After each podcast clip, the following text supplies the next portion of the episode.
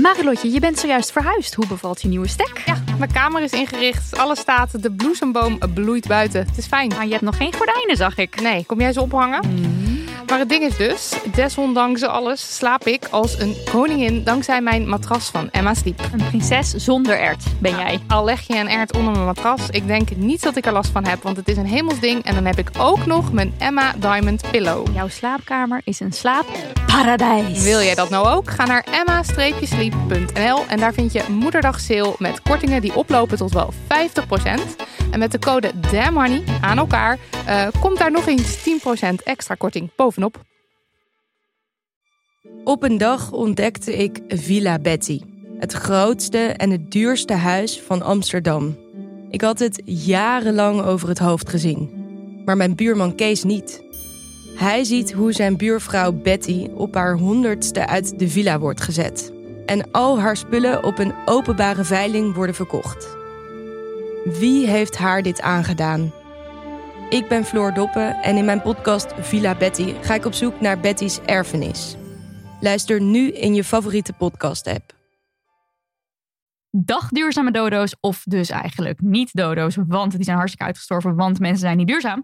Welkom bij Damn Money.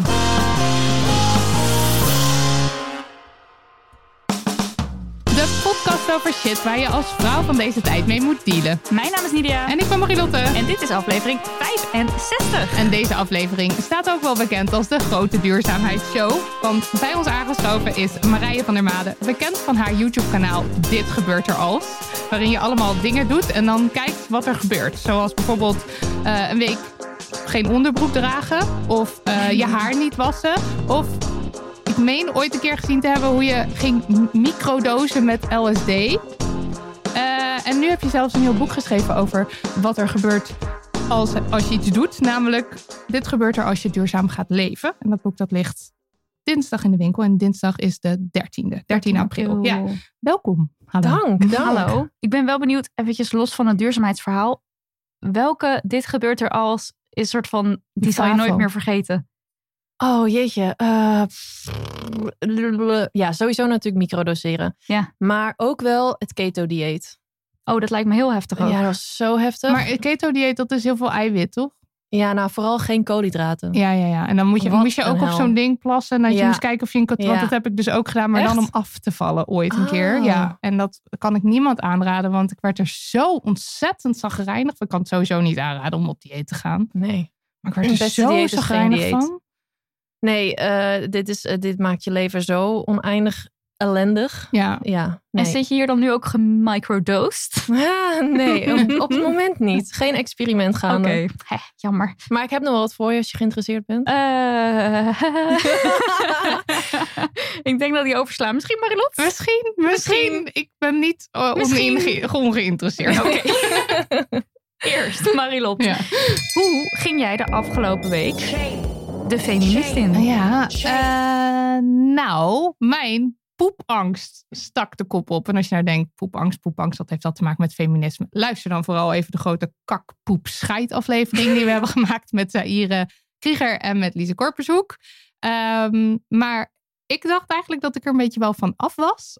Omdat het eigenlijk niet meer echt aan de hand leek. We hebben ook nog, naast die aflevering, hebben we ook nog een essay voor het CPMB. Dat zijn zeg maar de chique mensen van de Boek, boek Nederland. Boekenclub, Die ja. vroegen, wil je een essay schrijven? Zeiden, zeiden we, ja, is goed. Over We hebben poepen. over, over poep een essay geschreven. Dus zou Ja. denken van, we hebben het wel verwerkt, die poepangst. Ja, en ik, ik was er echt wel van overtuigd dat dat niet meer iets was wat aan de hand was. En nu opeens ehm, zijn we weer op plekken. Want de- ik denk dat dat het was. Dat ik dus nu niet meer eh, de hele tijd thuis ben. Maar we hebben nu een kantoor waar we heen kunnen. Eh, dus dan moet ik op dat kantoor naar de wc. En ik zat dus laatst, zaten we te werken aan tafel. En ik dacht de hele tijd, kut, het is pas drie uur. En als we straks dan, ik moet, nou moet ik eigenlijk nog twee uur dit hier gaan. Het was echt, zeg maar, ik het was niet eens, ik, misschien moet ik naar de wc gaan. Het is dan Dat was ik gewoon meteen aan het uitrekenen. denken ja, hoe lang ik er dan nog moet zitten en hoe erg het dan gaat worden en zo. En toen dacht ik, nou, ik ben toch niet helemaal nu van padje. Dus eh, ik ben toen als eh, ik ben toen wel naar, ik heb een sprintje getrokken naar de wc, want ik dacht, ik moet hier gewoon nu doorheen. En dus toen ben ik gaan eh, poepen. Ik was trots. En Ik ook. toen riep jij nog erachteraan neem een geurtje mee. toen dacht ik nog, nee, dat ga ik niet doen. Want als je dan gaat poepen, dan moet je ook stinken. Maar daar ben ik later op teruggekomen. Het is meer, wij hebben allemaal van die spray. Ik hou heel erg van geur en ehm, ja, van parfum en geur en zo. En ik heb dan allemaal van die sprays, weet je wel. Daar staat er ook Clear Mind Spray of zo. En die zei ik van neem maar even Ja, jij mee. zei, doe het dan ook damn honey style. En toen dacht ik eerst nee. En daarna dacht ik ja. En toen deed ik dat. Eh, maar ik had, en ik had laatst weer, toen we op het station stonden. En toen vroeg jij, eh, wil je koffie? En toen dacht ik, nee, dat kan niet. Want we zijn straks daar. Dan en dan kan ik daar niet naar de wc. Dus dit is allemaal weer aan de hand. Nu ik, nu ik onderweg ben. Dat vond ik eh, opvallend. En vannacht was ik ook super onfeministisch in mijn droom. Ehm, want ik droomde dat ik met jou, jij bent de hele tijd aanwezig in mijn leven en in mijn dromen, Heftig. met jou in een kamer zat te werken. En ik zat op een bank of zo. En opeens waren er allemaal spinnen op de muur. Nou, ik Mijn grootste dat- nachtmerrie. Ja. Ik ben echt heel bang voor spinnen. Jij hield je echt behoorlijk rustig. Dat doet me goed. Maar wat ik deed was opstaan, de kamer uitrennen, op een andere deur kloppen in het huis. Waar Daniel lag te slapen in die kamer en vragen of Daniel die spinnen, spinnen wilde weg. Dat is echt Oh. hilarisch. Dus dat was er allemaal in aan de hand. Ik was erg onfeministisch. Ik heb vannacht in mijn droom trouwens mijn sexy body en verleidingsskills ingezet om te voorkomen dat Voldemort aan de macht kwam. En of dat dan wel of niet feministisch is, daar mogen jullie later nog een keer over nadenken. Ja, Maar ik vond het, ja. de heftige Hm. droomperiode blijkbaar. Heb jij ook heftige Ja, oh zeker. Ja? Ja. Is er iets aan de hand met de maan of zo? Zit het in de sterren? Is er weer zo'n overgang van Mercurius naar Jupiter en dat het dan allemaal aligned is en zo? Als jij bezig bent met astrologie of sterren Ja. en het is zo, laat het ons weten. Niet, had jij dingen? Eh, nou, er zijn weken dat je me dit vraagt en dat ik, dat ik niet weet wat ik moet antwoorden. Dit is dus niet zo'n week. Nee. Want ik heb heel veel onfeministische dingen. Ik trap af met afgelopen zaterdag. Ik kwam thuis van bootcamp. Ik was helemaal kapot. En toen zei Daniel, oh ja, trouwens, Lara, dat is, dat is mijn schoonzusje, ehm, die eh, komt heel even buurten. En eh, ze heeft eh, dat een uur geleden geappt. Ze staat over, dus, dus ze staat nu over een half uur voor de deur of zo. Toen ben ik het hele huis door gaan sprinten om maar alles schoon te krijgen. Poetsen en boenen. En ook, ook zo die overtuiging van ja, als ik, want Daniel zei ik doe het wel. En dan dacht ik ja, jij doet het wel. ja, alsof het dan echt schoon wordt. Dus eh, compleet tegen mijn zin in dat gedaan.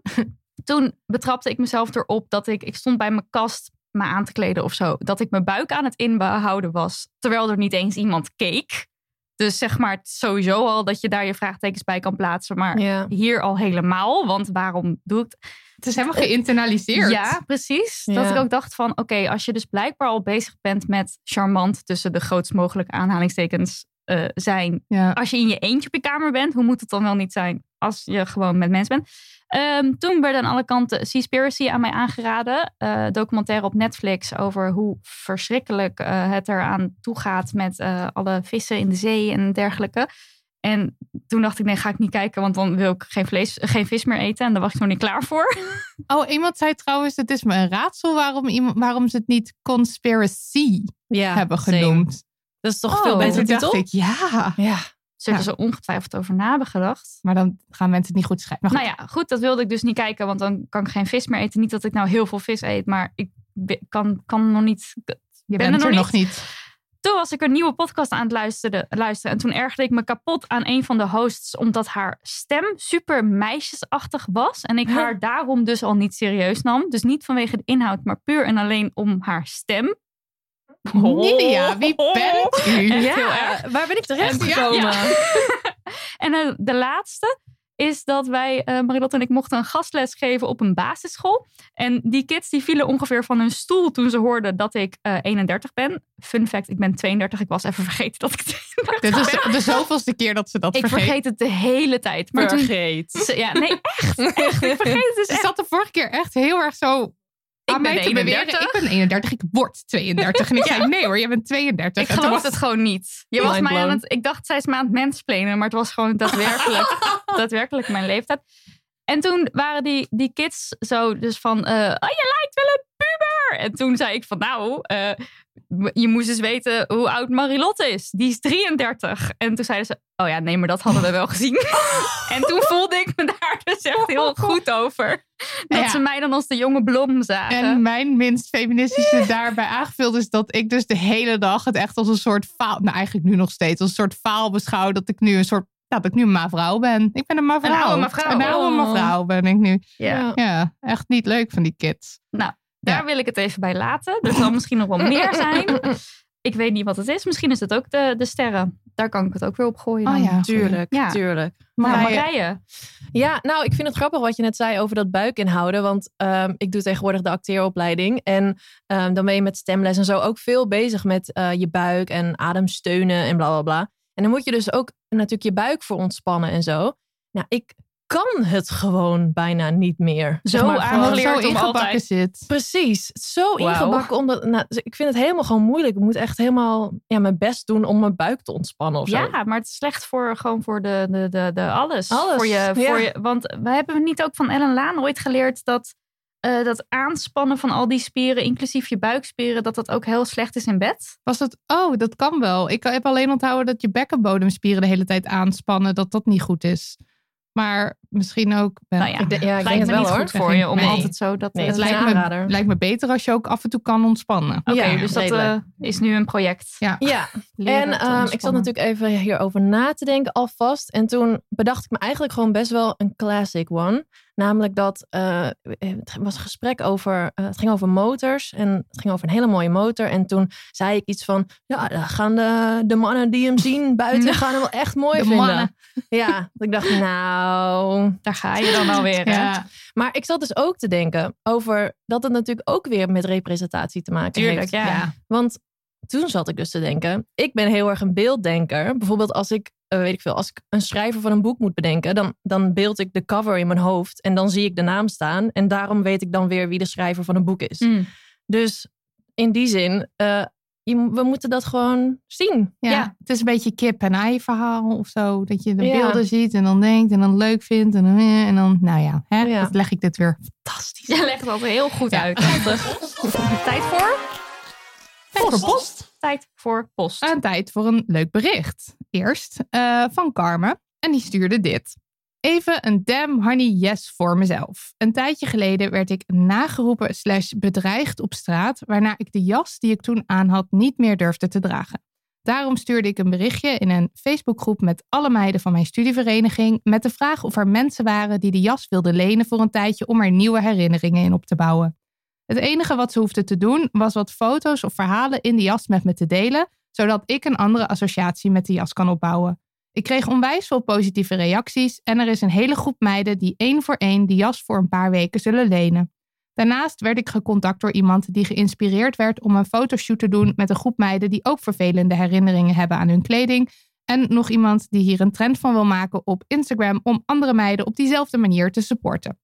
Ik voel me onwijs gesteund en empowered en ben er best trots op dat ik deze negatieve gebeurtenis om heb kunnen zetten in zoiets positiefs. Super cool. Echt zo'n leuk idee. Ja. Heel leuk. Echt Echt enig. heel leuk. Ik kan, ik, kan, ik kan alleen maar roepen enig. Ja, het maak, maak er een trend van.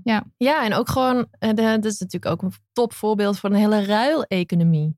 Dat Heb ook je weer nog, eens een dat andere leuke jas om te dragen? Klopt. Dat ja. ook nog. Het doet me ook sterk denken aan de Sisterhood of the Traveling Pants. Oh my god. Oh ja. ja, dat ging Die toch over dat diezelfde broek aan. Ja. Ja. Ja, maar Ja, dat was dat de perfecte broek of zo, toch? Ja, die dan iedereen fantastisch Ja, stond. right. Wat ik niet, niemand gelooft Yes. dit. Nee. Maar met een jas kan ik het al meer geloven. Eh, ja, nee, gewoon Erg heel leuk, goed, heel alles goed leuk, alles leuk, alles Oké, leuk. Behalve dat je bedreigd werd op straat, dat is kut. Dat is erg verschrikkelijk. Poststuk 1 wou ik zeggen, maar het is gewoon, we hebben één poststuk. Poststuk, Maar het waarom is dat leuke bericht eigenlijk geen poststuk? ja, weet niet, we hebben het leuk bericht genoemd. Oké.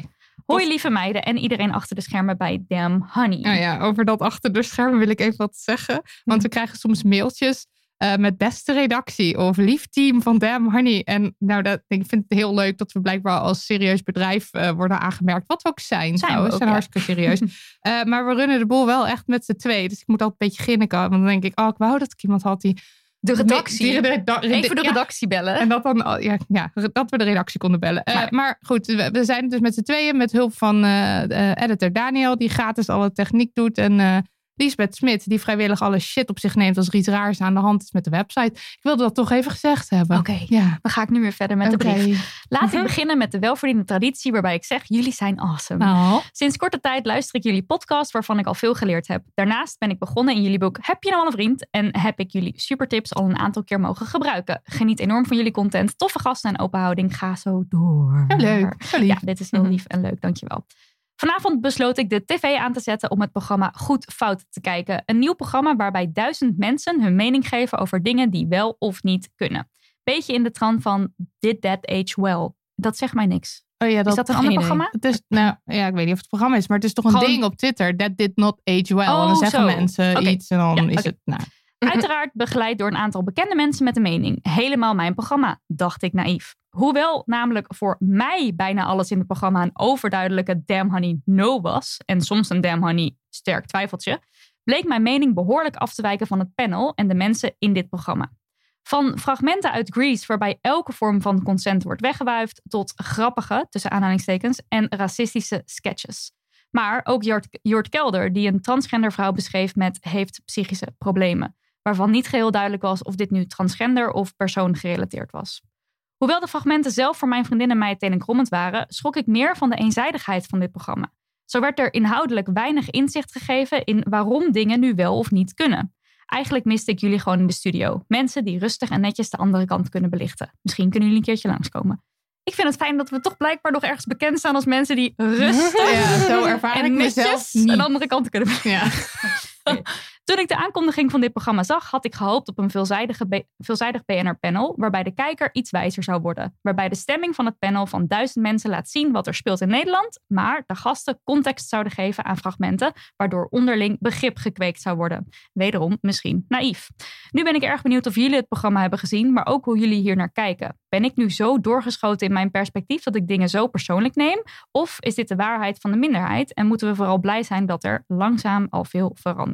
Met veel liefs, Connie. ja, goed Had jij het gezien? Nou, programma? ik heb alleen dus één klein fragment gezien over non-binaire mensen. Ja. Ja, ik, ik heb het afgezet. Ik kon het gewoon niet aan. Ik vond het zo vreselijk hoe er gewoon, nou, gewoon echt opmerking na opmerking dacht ik, nee. Ja. Ja. Ja. Het kwam ook echt van alle kanten op ons af. Maar ik zag het ook op Twitter. Ja, als op heel veel mensen stuurden het in als een Demonino. En Ja. ik heb het zelf dus ook niet het hele programma gezien, maar wel heel veel fragmenten eh, in, in tweets en zo van wat gebeurt hier nou weer. Ja, ik heb Sowieso gisteren dus wel helemaal gekeken. Dus eh, als ze straks gaan zeggen, nou, het is eh, mm, zoveel duizend keer bekeken, trek er dan in ieder geval één af, want ik tel was één niet hate mee. view. Ja. Eén kritische hate view. Maar hoe haal je het sowieso in je hoofd om met een stel cis mensen te gaan zitten discussiëren of dus non-binaire personen al dan niet mogen bestaan? ja. Of met witte mensen of, of wel iets wel of niet racistisch is? Ja, het, is alle, het hele programma bestaat uit naar beneden. Naar, sorry, ik moet lachen om Toby. Die Toby zit lekker water te drinken. Eh, ik, het hele programma bestaat uit het naar beneden trappen. Want het gaat over, eh, het gaat over gemarginaliseerde groepen. En dan zitten daar eh, nou, overwegend witte cis mensen. Dus te vertellen of, die, of, of, of, of, dat, Of iets wel of niet kan of ja, zo? of iets wel of niet bestaansrecht heeft. Of gewoon, het, is- het is echt zo, zo Ja. gepast. Hoe, du- hoe, maar gewoon, hoe durf je over een onderwerp waar je eigenlijk niet zoveel van af weet, dan ook grappen te gaan maken? En Ja. Over, eh, Ja, want die grap die bijvoorbeeld ehm, Martijn Koning maakt eh, over, ehm, wij. over, ja, over wij komen, omdat dat non-binair dan, omdat als je als non-binair kan, kan je dan zeggen ik ben hen of hun. En dat hij dan meteen daar de conclusie aan verbindt dat dat een soort meervoud is en dat het dan gaat over wij. Dan, dan weet je dus ook niks, maar dan wil je ook Ja, niks hij weten. zegt dan zoiets van, dan zeg je dus wij komen. Dat is toch super onduidelijk, want dan weet iemand niet wie Ja, dan er zet komt. diegene zet dan thee neer en taartjes en dan komt Ja. er maar één persoon. Dat zegt hij. En dat is gewoon een. Het is ten eerste een hele flauwe grap, maar je hebt je ook echt niet verdiept Nee. in eh, wat er aan de hand is en, eh, en, en in non-binaire mensen. En het is, het, het, het is gewoon naar beneden trappen. Ja, ja, het is heel flauw. Het is niet alleen flauw, maar het is ook gewoon walgelijk. Maar gewoon ook, waarom heeft volgens mij niemand gezegd van, ehm, hey, eh, misschien weten wij niet eh, hoe dit is en kunnen wij en, en zeg je gewoon sorry ook bij dat bij dat item over eh, Lucia de Rijker. Dat heb ik niet gezien. Heb je Dat welk gezien? item was dat? Ik Dat- moet, je moet even. Oh, nou, Lucia de, Rij Lucia de Rijker, ja, zo heet ze. Ja. Zij, ehm, ze ging een item laten zonen, laten, bleh. Ze gingen een item tonen, Nederlands. eh, dat eh, zij met, eh, ja, ik weet ook even de context niet helemaal, maar met iemand was en Lucia bleef maar hij zeggen. Oh ja, oh, Terwijl- oh, dat. Ja, ik kende haar naam gewoon niet. Dus ik weet eventjes Ah, wist niet welk fragment dat dan was. Maar ja, want zij, zij, zij ehm, ehm, eh, heeft dan, want het is van Dream School volgens mij. Oh ja, En zij heeft dan een, ik denk dat het dan een leerling is. En dat is een transgender vrouw. En Zij zij noemt haar de hele tijd hij. Ze Ja. zijn misgenderd. En dan eh, is de vraag, kan dat, kan, kan Oh, dat nog mensen. of zo? Terwijl er wordt zo de nadruk op gelegd. Maar eh, het, ja, het, het Nou, is gewoon, ja. allemaal zijn het stukken waarvan ik denk, dit is zo. Want er zitten niet...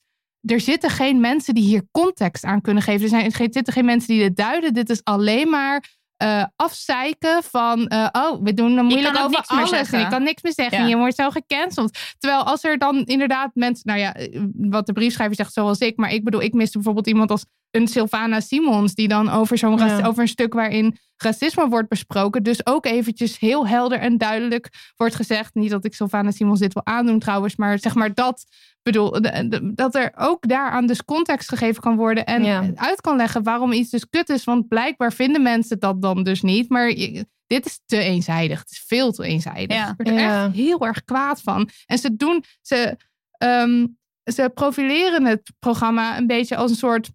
Eh, ja, eh, dat we kritisch gaan kijken en dat we met elkaar in gesprek blijven. Maar dat is het helemaal niet, want het is gewoon, er zitten vier mensen de hele tijd dingen belachelijk te maken. En die Ja. dingen zijn dan voornamelijk gemarginaliseerde groepen. Ja. Ja, en dan a- alleen maar zeggen van... Ja, nee, maar ik snap het echt totaal dat ze die fout maakt. Dat is echt zo logisch. Terwijl ik denk, ja, tuurlijk mag je, mag je dan een fout... Fout, aanhalingstekens ma- maken. Maar hoe je ermee omgaat, daar hoor ik dan weer niemand over. Ja, Ja. ja. en, en ook inderdaad van, oké, je kan die fout maken, maar eh, dan, dan wil je ook, ook gewoon, je, je wil ook horen van waarom het dus inderdaad zo naar is als die fout Ja. gemaakt wordt. In plaats van, nou, ik Precies. snap het wel en we Ja. kunnen nog... ja, alsof we dat perspectief ook niet al de hele tijd horen. Nee, precies. Juist en dan, dat andere ja. perspectief wat dus mist, dat horen we niet. En dat is ook waarom mensen ongefundeerde rare dingen gaan roepen. Omdat ze niet weten hoe het in elkaar zit. Ja, precies.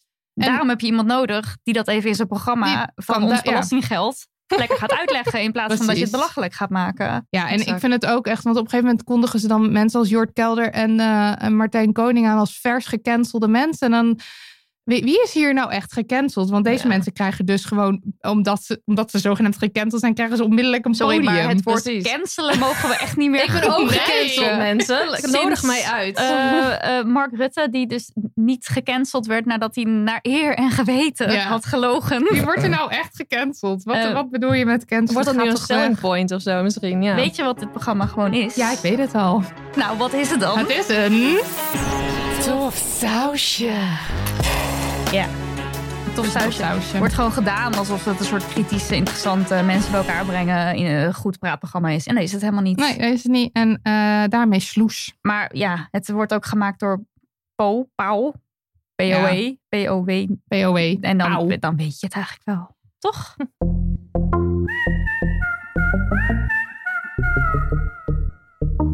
Tijd om onze sponsor in het zonnetje te zetten. Of eigenlijk sponsors. Ja, meervoud. meervoud. Want in de vorige aflevering vertelden we dat we geen sponsor hadden.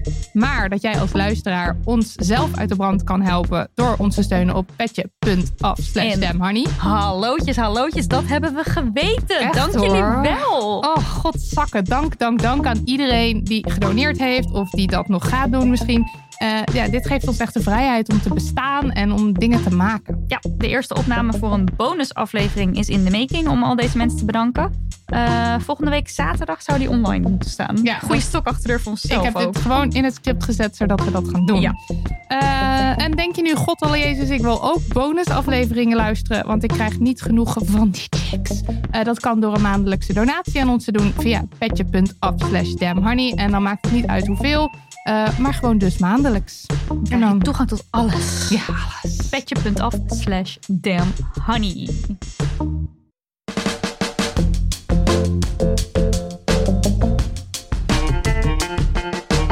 We moeten het even hebben over de shit waar je mee moet dealen als je duurzaam gaat leven. Want je krijgt nog wat, wat over je heen als je besluit, ik ga beter voor de wereld zorgen.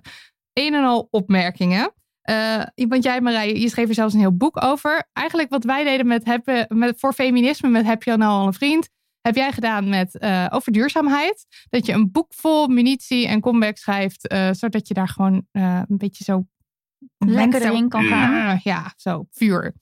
Uh, dus hallo, fijn dat je daar even over komt praten vandaag. Ja, Wacht, leuk. ik wil eerst even een quiz met jou spelen, Oh, Marilotte. Oh, uit. Marije's boek. Dit is dus wel een spoiler als je het boek nog gaat kopen. Maar het is ook in de winkel. informatief. Het is ook informatief, ja. Maar als je, als je de quiz nog zelf wil spelen, dan moet je, moet je nu eventjes... Zet hem even, uit. even klik hem even Ja, door. oké.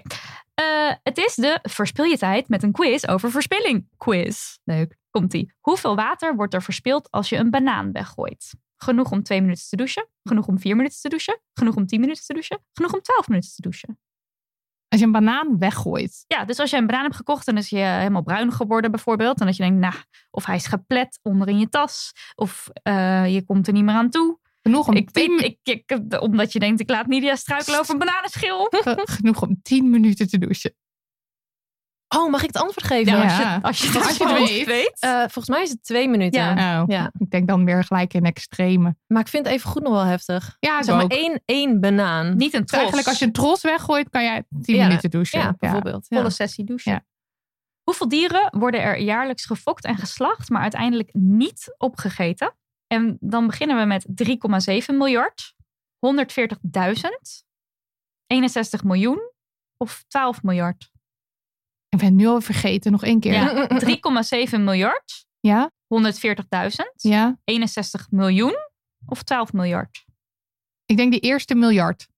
3,7 miljard. Ja. Weet Moet je dit? je opzoeken. hoofd? Ze is aan het scrollen, hoor je het. Het is de sound, Ja, sound ik heb effect. hem. 12 Ja, miljard, ik was jongens. daar al bang voor. Oh Ja, nee, mensen. ik dacht dat kan dan niet, want dat is te extreem. Maar dat is dus 12 miljard 12 aan miljard. kilo, was dat het? Vlees? Nee, dieren. Dieren. 12 miljard Losse dieren. dieren. Dus nog veel meer kilo. Oh nee. Het zijn er best wel veel. Niet opgegeten, hè? dus wel gefokt en geslacht. Eh, wat echt- wordt er naast voedsel? Er zijn vijf vragen. Wat wordt er naast voedsel nog meer verspild? Grond, water, arbeid, energie, aandacht. Aan RTL Boulevard. Sowieso, E. Eh, grond? Ik weet niet, alles denk ik toch? ja, is het antwoord niet is het gewoon al- alles? antwoord alles? Ja, Oh, het antwoord is alles. Ja, ik wou net zeggen. Ik, ja. De bittere waarheid. Hoeveel van ons watergebruik zit in voedsel? 42% 21% 86% of 60% Dus van al het water wat je gebruikt, hoeveel daarvan zit in voedsel? Dus los van je drinkt een, een glaasje water uit de kraan. Of los van ik draai een wasje. 86 procent. Lekker. Hey, ding, ding, ding. eindelijk moest een keer gebeuren. Sorry, maar dat is zoveel. I know. 1% is kraanwater, 13% zit verborgen in spullen. Oh ja, want dat heb je ook nog. Dus dat telt eigenlijk ook als... Oh ja, want als je een eh, spijkerbroek of zo... Of is telt een spijker... Ja. Ja. oh ja, dat is geen eten. Eh, Dat telt als spullen. eventjes nadenken of je spijkerbroek had of niet. Eh, nee, als je spijkerbroek, daar zit ook heel veel liters Ja. water in, toch? Ja. Terwijl je denkt dan misschien ook wel goed bezig. Ik douche even een minuutje minder. En dan heb je dus misschien niet door dat als je die banaan weggooit, dat je dan eigenlijk dat alweer zo... Het Nou, ding is het. laatste vraag. Wat wordt er per jaar het meest verspild door Nederlandse huishoudens? Brood? Talent? Sowieso talent ook altijd. Zuivelproducten, vlees of groenten?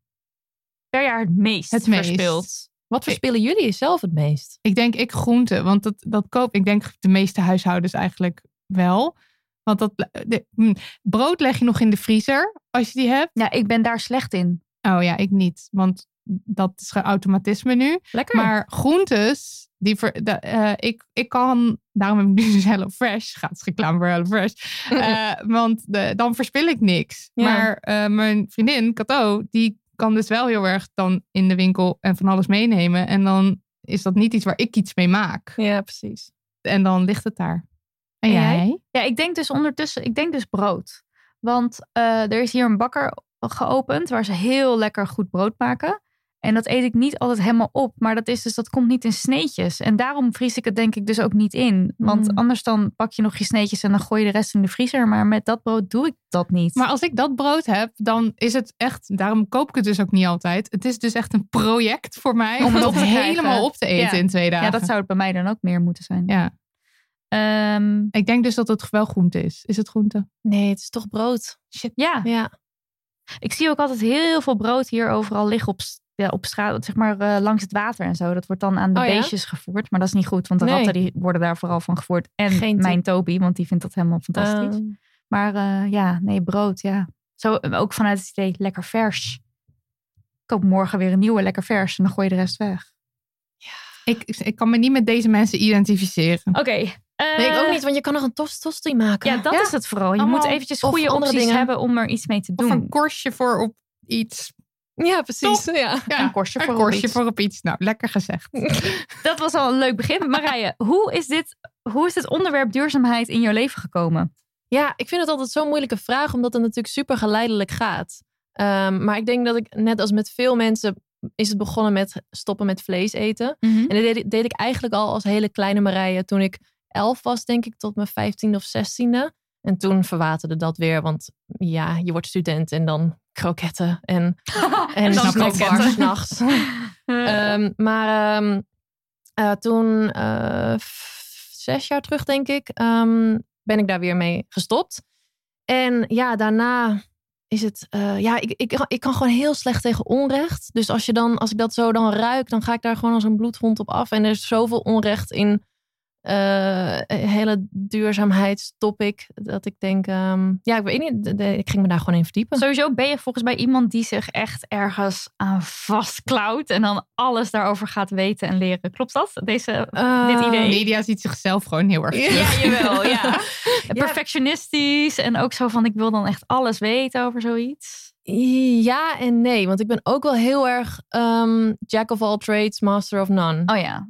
Ja zeg maar, ik nou, weet best wel veel van heel veel dingen, maar Maar je kan er wel een heel boek over schrijven. Ja, ja, ja, maar Ja. goed, je, je hebt nu ook al die opmerkingen waarschijnlijk wel een keer gehoord. Dus die verzamel je dan. ja, precies. Ja. Ja, Ik ben wel benieuwd welke opmerking uit het boek krijg je zelf het meest?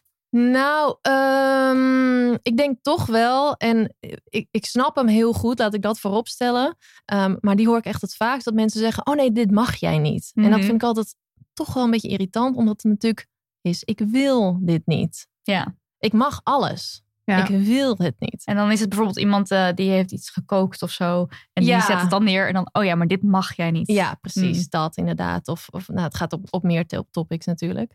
Maar, Maar, het dat. toontje is natuurlijk ook heel erg dat, stel iemand zet iets voor je op tafel en zegt dan, oh jij mag dat niet. Dat je het ook dan het gevoel hebt dat je het ook echt niet meer op mag Ja, scheppen. precies. Terwijl- Wat nou als ik vandaag wel een stukje kaas wil eten? Dan is het meteen weer een beetje raar of zo. Ja, en ik kan me dus voorstellen dat je, dat je denkt, ja, maar ik ga je nu ook niet iets nieuws laten maken of zo. Of, Nee. En ik ga, de- anders is het verspilling, dus ik Ja. ga dit nu ook gewoon eten. En nu vind ik het belangrijker dat ik niet verspil. Dus Sowieso. rust. Ja, Op dat verspillingsthema heb ik meteen een luisteraarsvraag, Oh ja, dilemma, goeie. brief.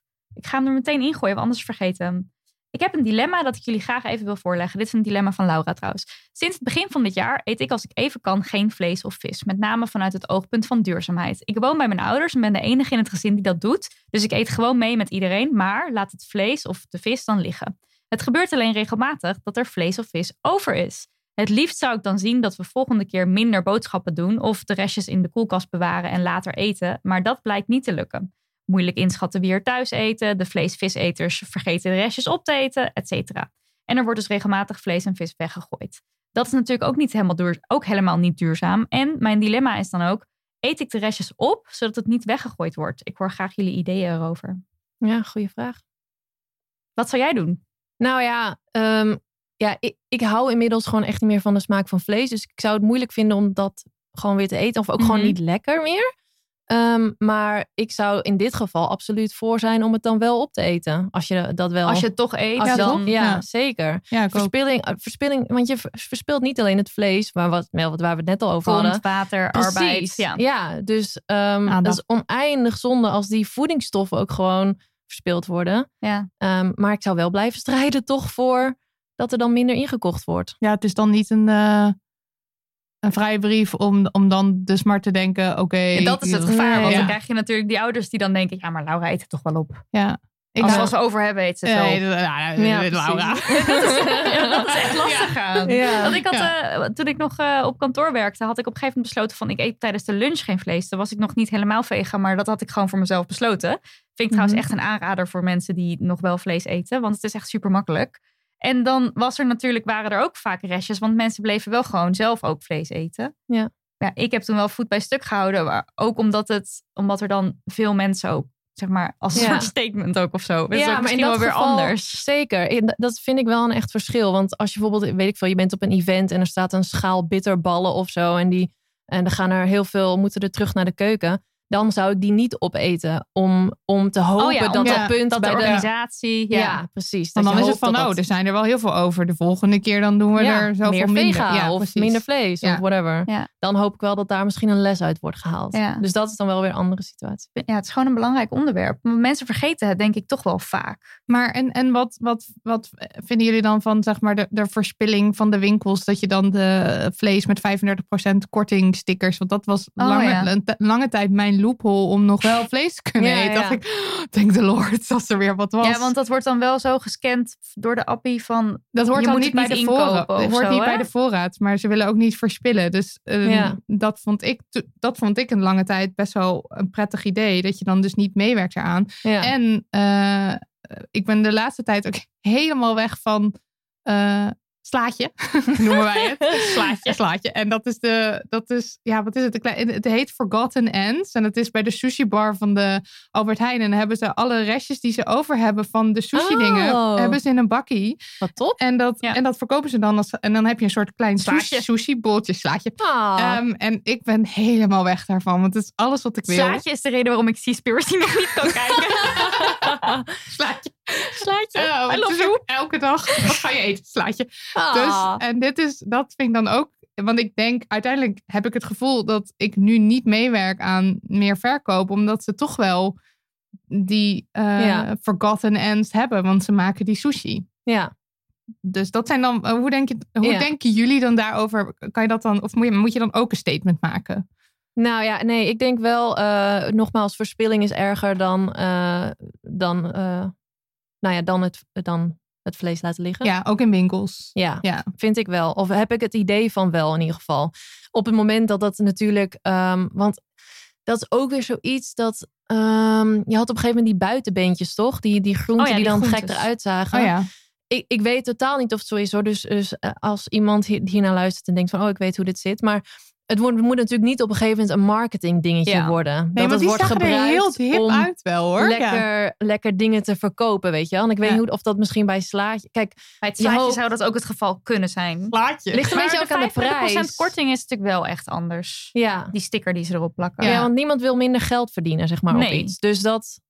de- weet je, dan... Ik weet niet wat de prijs is van het Het slaatje. slaatje kost 2 Twee euro. euro? 1,90. Voor een, een bakje... Voor een klein bakje, bakje sla. En ik Ja. vind dat dus... Het is goedkoper dan de andere, andere sla, slaatje gerelateerde artikelen. Hoe vaak hebben we al slaatje Het gaat echt lang over slaatjes. Ja. ja. Ja, oké. maar Nou, ik denk wel voor mensen die nog, ehm, die nog wel vlees eten, of dus vis, zoals ik zelf, dat dan zo'n 35%, per- 35% korting, dat dat dus een goed idee is. Ja, nee, dat Ja. is waar.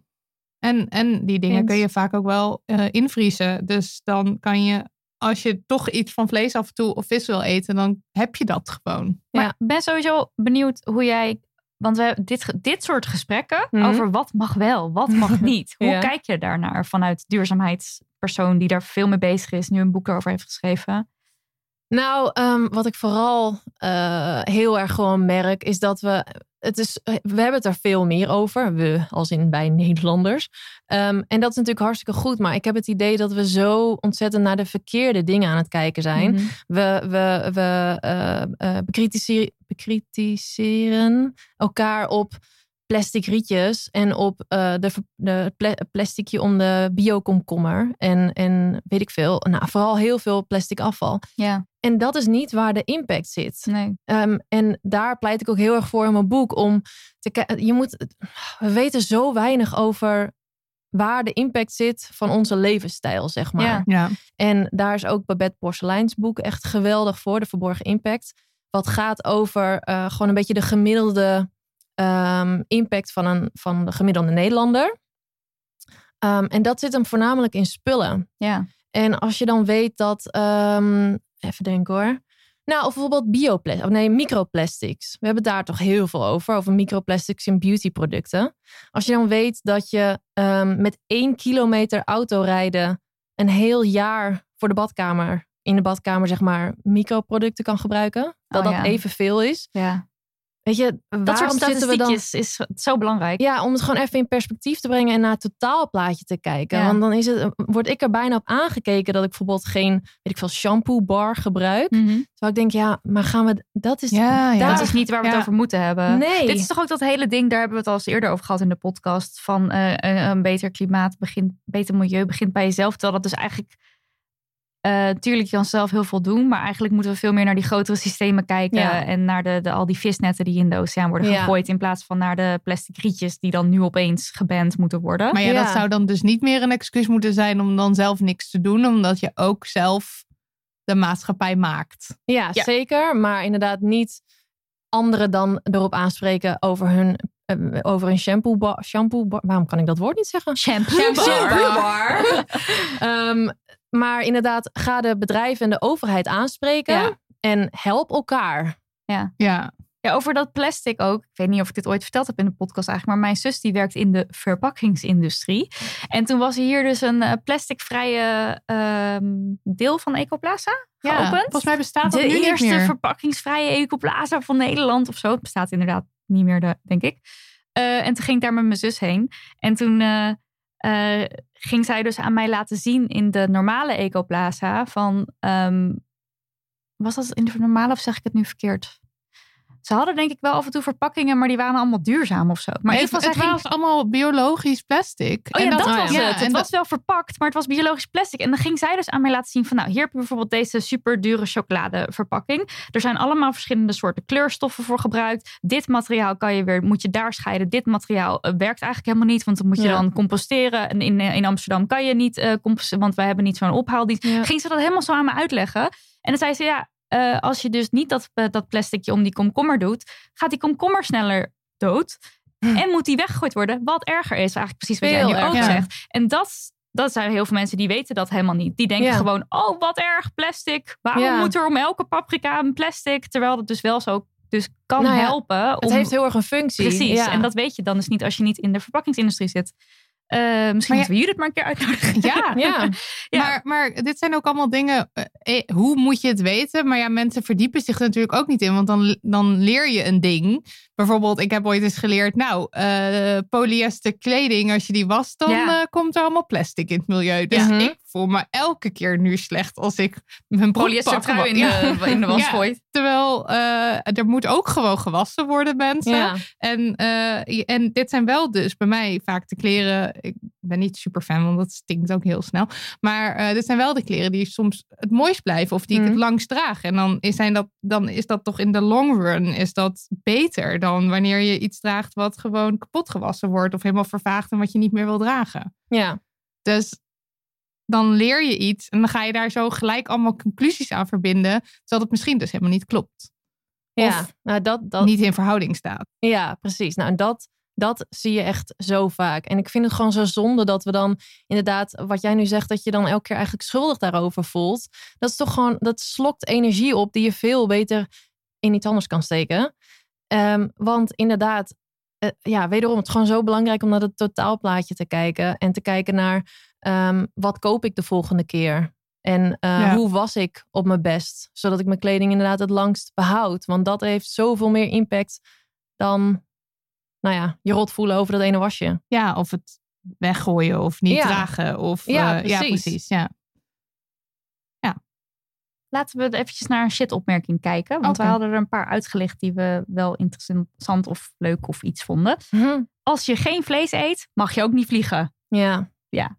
Ja, top. Ja, dit, ik maak me hier zelf ook wel schuldig aan, aan dit soort gedachten. Ik zou hem denk ik niet snel tegen iemand zeggen. Ik ben echt een rotwijf best hoor. In, mijn- in, mijn, in mijn hoofd. Hè? Ik zal het ook niet zeggen, Mhm. want ik weet heel goed dat iedereen zijn eigen proces doorgaat. Maar dat wij dan zo lekker eh, zitten te roddelen onderling. Zo Oh, van, dat- nou, en die is vliegen, maar die gaat wel in het vliegtuig. eh, Die Ja. stapt wel vijf keer in het jaar eh, naar Bali. Ja, Dat. zo zijn we wel. En Ja. ik denk dat veel mensen. Tuurlijk. zijn. Ja, maar dat is super menselijk. Dat is het ook gewoon. Je, ja, het is gewoon super menselijk. Alleen, ja, moeten er wel een beetje mee minderen misschien. Ja, misschien wel. Ja. En wat je heel erg merkt is dat ehm, je, het is heel erg moral envy. Mm. Ehm, dus als in ehm, dat juist op mensen die be- het beter proberen te doen of een beetje beter hun best doen op bepaalde vlakken, daar wordt altijd zo'n vergrootglas op gelegd. ja. Dat weet ik veel, als iemand, weet ik veel, altijd een, een goed doel steunt of zo. En dan één keer niet helpt met de benefietavond. dat hij dan meteen. Ja, precies. Terwijl, eh, oh, wederom ook, kijk weer even naar het totaalplaatje of zo. Weet je, altijd als mensen het een beetje beter te worden. En, en, maar dat is ook weer heel menselijk. Want mensen willen zich gewoon ook beter voelen over zichzelf. Daar komt het uiteindelijk weer vandaan. Ja, je projecteert dat gedrag natuurlijk. En dan denk je, ook, oh, doe het zelf niet goed. En dan ga je, dan ga Ja. je dat, dat komt eruit in de snauw. Ja, dan is het fijn dat de ander dan ook niet goed is. Want dan ben je, of dat de ander niet goed is. Want dan is dat weer, wacht. Nu lul ik mezelf krom. Nou, je wil eigenlijk iemand een beetje pakken op iets, zodat je jezelf niet schuldig hoeft te voelen over je eigen Ja. afschuwelijke rotgedrag. Ja. Ja. Over je slaatje wat je maar zit te eten. Ja. En je andere vis. Slaat je. Ja. Ehm, en eh, wat wilde ik zeggen? Oh ja, er staat zo'n eh, quote ook in dat hoofdstuk. We beoordelen onszelf op onze intenties, terwijl we anderen beoordelen op hun gedrag en acties. Ja. En ook daar zit weer heel erg in dat je ook gewoon, je weet eigenlijk niks. Bedoel, je, je, leert, je leert je dingetje over polyester en verbindt er allemaal conclusies aan, maar je weet heel veel niet. En net zoals je dus bij andere mensen, je weet van jezelf wat je denkt en wat je eh, intenties zijn in je gedrag. En nou, je hebt ook hard gewerkt, dus je mag die pizza met kip wel. En je bent ook een, een jaar niet eh, op vakantie geweest. Precies, dus je hebt mag al het nu lang wel een niet keer. gevlogen. Ja. En dat staat gelijk aan 58 minuten douchen. Dus dan kan dat. En dan, en dan, weet, dan bereken je dat allemaal voor jezelf. Alweer Ja. loopholes. Maar dat doen andere mensen natuurlijk ook. Alleen jij ziet niet hoe andere mensen dat doen. Dus je weet niet waar ze Ja. zitten in hun proces. Precies, ja, dat is het. Maar eigenlijk zou het ook niet uit moeten maken. Nee. Nee, nee. Laten we er gewoon ervan uitgaan dat iedereen een beetje zijn best doet. Zeg maar gewoon. En wat nou als je iemand hebt in je omgeving waarvan je echt obviously weet dat hij niet zijn best doet? Die elke dag iets Want- bestelt Want ergens, zeg maar, bij een fast fashion bedrijf. Want het is natuurlijk aan de ene kant heel verschrikkelijk dat mensen de hele tijd ehm, elkaar de maat nemen, zeg je dan, geloof ik. Of dat ze Ja. vingertje wijzen en zo. Mhm.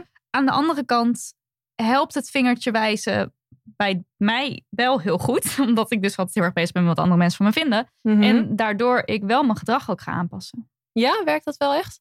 Bij mij wel, ja. Ja, maar er zit, er zit iets, eh, er zit een verschil. ehm, zeg maar, schaamte aan zich stelt, zet je niet in beweging. Maar als je ervan bewust bent hoe het zit en waarom, ja. dan kan het inderdaad wel helpen. Oh ja, ja, ja. Want het dus is het zal natuurlijk- nooit alleen de schaamte zijn, maar het zou ook gewoon alle kennis zijn die ik onge- ondertussen heb opge. ja, want je bent je er bewust van. Dus je weet ook wel dat het misschien niet helemaal, dat het niet de bedoeling was. Of Het dat is het ook iets- niet echt schaamte, want ik vind, het, eh, vind vliegschaamte ook een slecht woord. Ik vind vliegschuldgevoel dus veel beter woord. Ja, en ik, maar ik denk dus als iemand jou daarop wijst, is het alleen maar bevestiging van wat je zelf al vond. Ja, dat En je eigenlijk klopt. denkt van, oh ja, ik heb die principes misschien eigenlijk wel. Klopt. Misschien moet ik maar het ernaar is wel gaan handig leven. om iemand te hebben die een beetje zo je in de gaten houdt. Maar ik ga daar weer van stijgen. Ja, voor jou zou het niet werken. Nee, ik word daar heel boos van. En dan ga ik in een soort.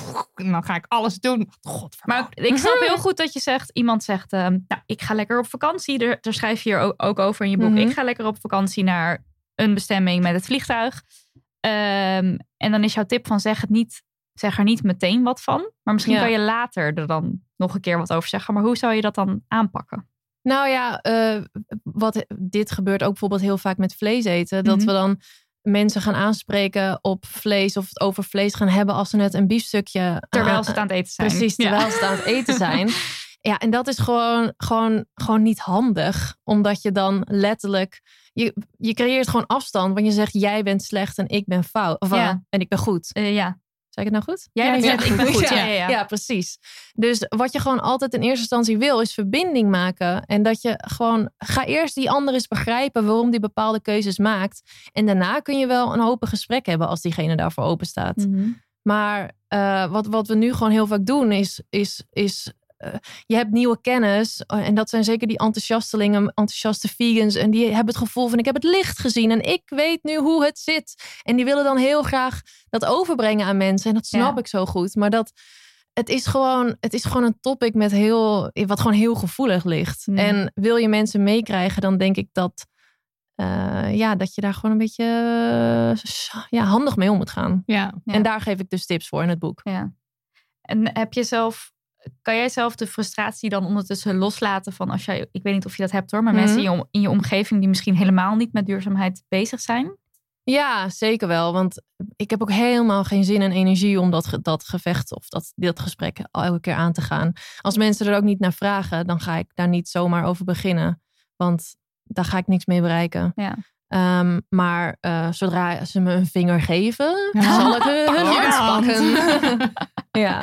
Ja, dan heb je ze ook. Oké, volgende opmerking, denk ik. Ja. Doe maar. Ehm, die kleren liggen toch al in de winkel. Ja, of dus dat vlees ligt al in de winkel. Ja, precies. Het ligt daar al, dus dan kan je het net zo goed. Het is al dood. ja. Het is al gemaakt. Maar vlees gaat natuurlijk niet over de houdbaarheidsdatum. Dus in die zin is ze. Jullie kijken me allebei. bedoel je dat? Ja. Oh, oh, ik, zeg, ik zeg vlees, Kleren. ik bedoel kleding. Oh ja, ja, ja, ja, ja. ja. Huh? Jullie keken me echt aan. Vlees gaat niet over de. Nee, Nee. kleren. Die worden natuurlijk niet, niet goed. Dus daar, daar zit Maar- geen 35% Ja, maar de kortingsticker op. trends gaan natuurlijk Ja. wel. En dan wordt het ook gewoon vernietigd. Ja, dat is waar. En je hebt toch Ja. ook, Sale. ook sale en zo. Maar dat is, dat is anders dan met... eh, dat is niet om verspilling tegen te gaan. Want sale, daar, Nee. dat is natuurlijk ook gewoon een verdienmodel. Ja, dat hebben we het ook Precies. geleerd van Amy toen. Ja, Ja. dat gaat ook gewoon... Dus daar- kopen in de sale is niet hetzelfde als een 35% sticker vlees Nee. kopen. Nee. Nee, vind ik niet. Ehm, maar oké, iemand zegt eh, tegen jou, ja, die kleren liggen toch wel in de winkel. Ja, nou, dat is eigenlijk misschien wel een beetje hetzelfde als vlees eten of je het wil of mag. Ehm, die kleren liggen misschien al in de winkel. En als ik dan niet die kleren koop, dan zal de H&M of weet ik veel wat, dat natuurlijk niet merken dat ik niet hun, mijn 50 euro Mhm. bij hun uitgeef. Maar het gaat erom dat je gewoon niet wil bijdragen aan de omstandigheden of en aan de, ja, alle slechte dingen die erbij komen kijken. Dus, ehm, en laten we hopen dat als meer mensen dat gaan doen, dat daar een boodschap wordt afgegeven. En dat Ja. mensen daadwerkelijk toch weer wat groener gaan produceren. Of dat er groenere collecties worden uitgebreid. Of iets in die trant. En hoe kijk je naar, naar merken die dan, bijvoorbeeld de H&M, wat natuurlijk gewoon fast fashion is, die dan Mhm. zo'n duurzaamheidslabel, of wat is dat? Hoe heet Ja, dat? of dat, of dat, Ze hebben dat eh, wel. bla bla cotton, organic cotton-achtige eh, monkey en zo hebben dat ook. Al- eigenlijk al die, al die merken hebben dat nu wel. Mhm. Terwijl ik geloof dat eigenlijk nooit zo. Maar misschien is dat... Nou ja, aan zich is het wel een betere collectie dan eh, qua, weet je wel, eh, van alle aspecten bij kleding, als in stoffen, arbeidsomstandigheden, milieu-impact, eh, verven, eh, al die stappen in kleding, dan is zo'n zo'n groenere collectie is wel iets beter. Mhm. Maar ehm, wat gewoon, ja, en daar irriteer ik me dan gewoon ontzettend aan, dat het gewoon alleen maar gewoon gebruikt wordt als greenwashing. Schoonmarketing. Ja. Er, is, gaat een, er gaat een lens of een marketing tool achter die, eh, of een marketingcampagne achter die collectie. Terwijl, weet ik veel, 95%, 99% gewoon nog steeds polyester troep is. Maar het is zo grappig, want... Of grappig, het is eigenlijk heel tragisch. Dat je dus wel... Want ehm, oké, je let als consument wil je opletten. En je wil zorgen dat er een signaal naar de eh, bedrijven gaat. Dat het allemaal duurzamer geproduceerd wordt. En dat signaal is blijkbaar wel iets wat ze oppikken. Want Ja. ze, gaan, ze spelen erop in. Maar dan spelen ze er dus zo op in dat het eigenlijk helemaal geen zin heeft. Want uiteindelijk is de boodschap nog steeds kopen, kopen, kopen. Ja, maar het bedrijf bestaat, want kopen, kopen, kopen. Ja, alleen... H&M bestaat niet meer als Ja. ze gaan zeggen, koop nu nog maar één H&M stuk per jaar. Het hele merk is gebouwd op hele outfits Ja. en het liefst om de drie maanden, zo niet om de, om de maand. Nou ja, ik weet het wel. Alleen dus, maar we, dat, het signaal is er dus wel. En Ja, maar dat signaal. het gaat gaan ze- helemaal Ze fout, gaan natuurlijk mensen. zoveel mogelijk met het signaal doen, zonder daadwerkelijk minder te willen gaan verdienen. Ja. Ja, in hoeverre het echt intrinsieke motivatie is om het beter te doen, dat vraag ik me altijd Nou ja, af. ja, dat vast, is niet. Vast een paar mensen, pas, vast een afdeling Ja. die daar werkt, die daar heel gepassioneerd Dat en denk ik dus daadwerkelijk ook. mee bezig is. Maar je hebt altijd de hoge mensen die gewoon geld in het laadje willen. Ja, 100%. ja. Lijkt me echt de allerfrustrerendste baan Hm. ter wereld eigenlijk. Als je zelf graag Nou de ja, wereld wil redden. Ja, maar je, denk- ja, je kan ook denken from the inside mijn stukje. maken we de boel. Ja, dat kan ik me best wel Ja. is ook- voorstellen. en het is ook belangrijk dat zulke mensen op die plekken zitten, denk ik. Ja, oké, maar ik, het lijkt mij heel frustrerend. ja, ja. Nee, dat lijkt mij ook heel erg frustrerend. Dus ik ben blij dat ze het doen. ja. Eh, ja. en, en ben je dan ook zelf helemaal afgekikt van de fast fashion? Ja, eigenlijk wel. Ehm, ik, laat ik wel even duidelijk zijn. Ik was iemand die echt, nou, al, mijn hele kledingkast was H&M en, en Zara. Ehm, maar ehm, nee, tegenwoordig koop ik eigenlijk alleen nog maar tweedehands. En heel af en toe bij een duurzaam merk om dat een beetje te supporten. Ehm, En, maar, en, ja. en wat maakt een duurzaam merk een duurzaam merk? Nou, dat is natuurlijk altijd moeilijk. Want we- wat we net al zeiden, consumeren is per definitie natuurlijk niet duurzaam. Maar een duurzaam merk zie ik als. Kijk, er zijn natuurlijk gradaties in. De ene merk focust op misschien eh, de materialen, de ander weer op eh, de arbeidsomstandigheden, de ander weer op mm, het totaalplaatje. Maar gewoon een merk wat het in ieder geval bewust beter probeert te doen op alle vlakken. Ja, en dat dan ook dus laat zien. Als Ja. in dat- je, eh, Ja, dat je vooral- weet waar, zoveel mogelijk weet waar de dingen vandaan komen. Misschien Precies, dan. vooral transparantie is Ja. gewoon echt super belangrijk. Ja. Ja. Ik zag er nog iets interessants bij je voorbij komen over een telefoonhoesje. Dat Ja. mensen meningen hadden over een telefoonhoesje dat je had gekocht. Nee, nee, nee. Ik, eh, ik, kreeg, ik krijg heel vaak de vraag: heb, heb je een tip voor een duurzaam telefoonhoesje?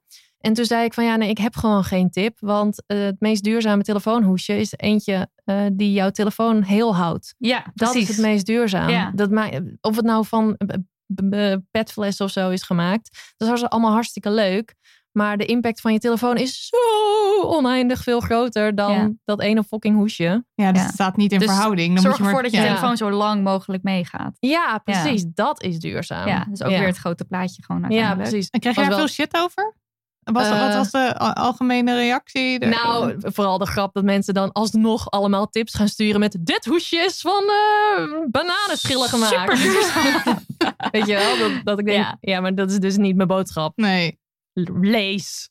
Ja. Maar ja, goed. Maar ja, je, ja. Maar ook wel ik van, snap oh, het dus ook als consument of zo, dat je dan toch wel die keus, die duurzame keus wil maken of zo. Ja, maar Net als met zo'n allemaal... wegwerp koffiebeker die je dan koopt. En dat je denkt van, dan wil ik echt een goede kopen. Ja, Terwijl- het is allemaal zo goed bedoeld, Ja. maar, maar dat is ook weer de invloed van media en zo. En, en eh, die toch altijd weer op aankopen sturen. En weet je, net als dat plastic mes, me- metalen rietje.